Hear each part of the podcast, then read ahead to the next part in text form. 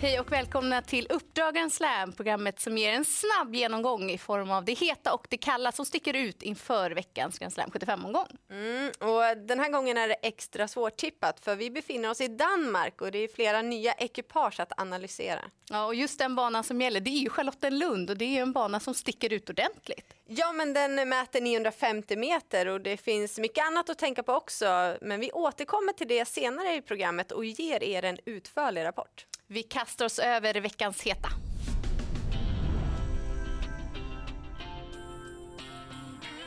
Och jag vill börja med att lyfta fram en skräll i den första avdelningen. Nummer 9, Eastern Promise. Hästen har klart bättre form än vad raden ger sken av. Och jag tycker att det är intressanta förutsättningar den här gången med voltstart för första gången och medeldistans. I den andra avdelningen startar fem Rossi Garland som såg ut att hittat stilen senast och han vann på överlägset sätt med mycket luft ner till konkurrenterna. Och han visade också att han tål att göra en hel del jobb själv. Så trots att han bara är tre år gammal ska han ses med bra chans. Och så är det just treåringar som ger upp i avdelning tre. Och vi har ju svårt att hitta något riktigt bra motbud till den stora favoriten nummer sex, Jane Hall. Det som däremot är väldigt intressant är ju att det är just 1600 meter auto på Charlottenlund. Och vi nämnde ju inledningsvis att det är en bana med annorlunda förutsättningar. En som har riktigt bra koll på banan det är Peter Untersteiner.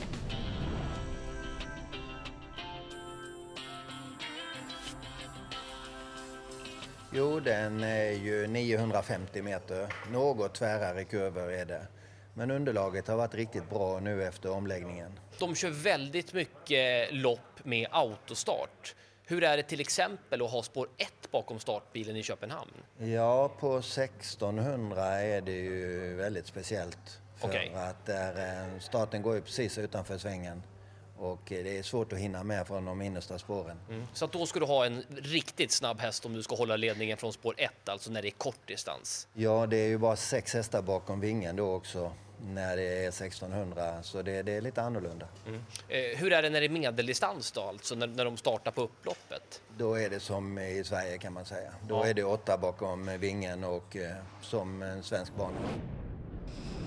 Bra information från Peter. Då går vi till den fjärde avdelningen. Då är det medeldistans som gäller. Och då var det inga konstigheter. Därför tror jag mycket på ett Safiro Jet som är startsnabb och visade toppform senast då han vann åkandes. Visserligen var det lättare konkurrens men han ser ut att vara redo att möta bättre hästar och det ser även ut att vara en riktigt fin häst. Och går vi till den femte avdelningen så fastnade jag verkligen för intrycket på nummer nio Even Steven senast. Hästen har verkligen hittat rätt efter att Flemming Jensen har balanserat om och han har vunnit lekande lätt på slutet och den långa distansen den räds han inte. I den sjätte avdelningen är det också långdistans och man fastnar såklart för nya Apapman som gick bra i comebacken senast och eh, gjorde det bra i självaste Copenhagen Cup tidigare i år. Och han har även mött Once for All Face som är en av konkurrenterna på söndag och det var i våras och då stod de på samma start. Ah, Apapman vann ändå. Den här gången står ju Apapman 20 meter bättre till och måste ses med bra chans. Och avdelning 7 är ju den sportsliga godbiten där vi får se Cyberlane som har varit fantastiskt bra. Men det är bakspår på kort distans och vi är inte helt säkra på att det blir vinst den här gången. Så här säger Johan Untersteiner själv om uppgiften. Eh, Cyber kändes jättefin. Eh, eh, gjorde ett kanonlopp återigen och allting verkar vara bra med honom efter, efter loppet också. Lite lugna jobb.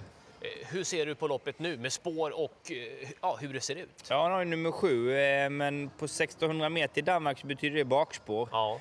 Så jag har väljat på att ta rygg på ett eller två och det gör mig egentligen inte så mycket. Det är klart att bakspår är bakspår på 1600, det kan alltid bli, bli långt fram. Men normalt sett har vi en rätt så snabb startrygg och han är ju ganska kvick i benen själv så att vi borde kunna få ett vettigt slagläge. Och det är klart att eh, på pappret ser han ut att vara bästa hästen. Kommer dock gå med skor runt om, eh, men det är han ju väldigt van att göra. Gjort väldigt många bra lopp. Han vann bland annat Copenhagen Cup eh, för några år sedan här med skor, så att det har han visat att han klarar också.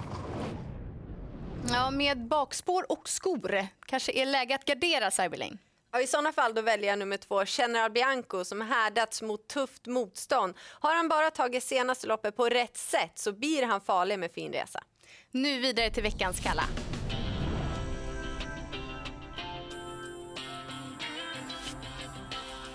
Och vi börjar i den första avdelningen med nummer sju Broad Vision som inledde året starkt med tre raka segrar. Men sen har han inte gått felfritt sedan i mars. Fyra raka galopper och jag vill gärna se att han fungerar innan jag vågar tro på honom fullt ut.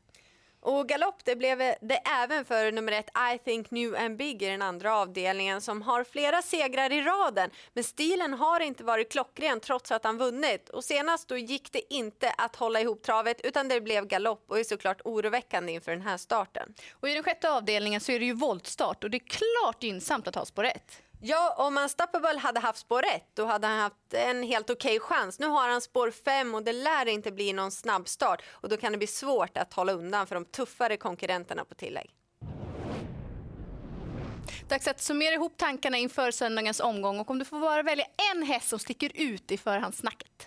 Jag gillar verkligen stilen på ett Safiro Jet i den fjärde avdelningen. Och när vi är i Danmark, då måste man ju prata om Flemming Jensen. Ja, och hans fina häst i den femte avdelningen, nummer nio Even Steven. Vilket intryck! Jag blev lite småkär i den här hästen. Det känns som att han har alldeles för lite pengar på sig sett till den klass han tävlar i. Det var stora ord. Hoppas vi har hjälpt er att reda ut förutsättningarna för den här omgången. Stort lycka till med Grand Slam 75-spelet.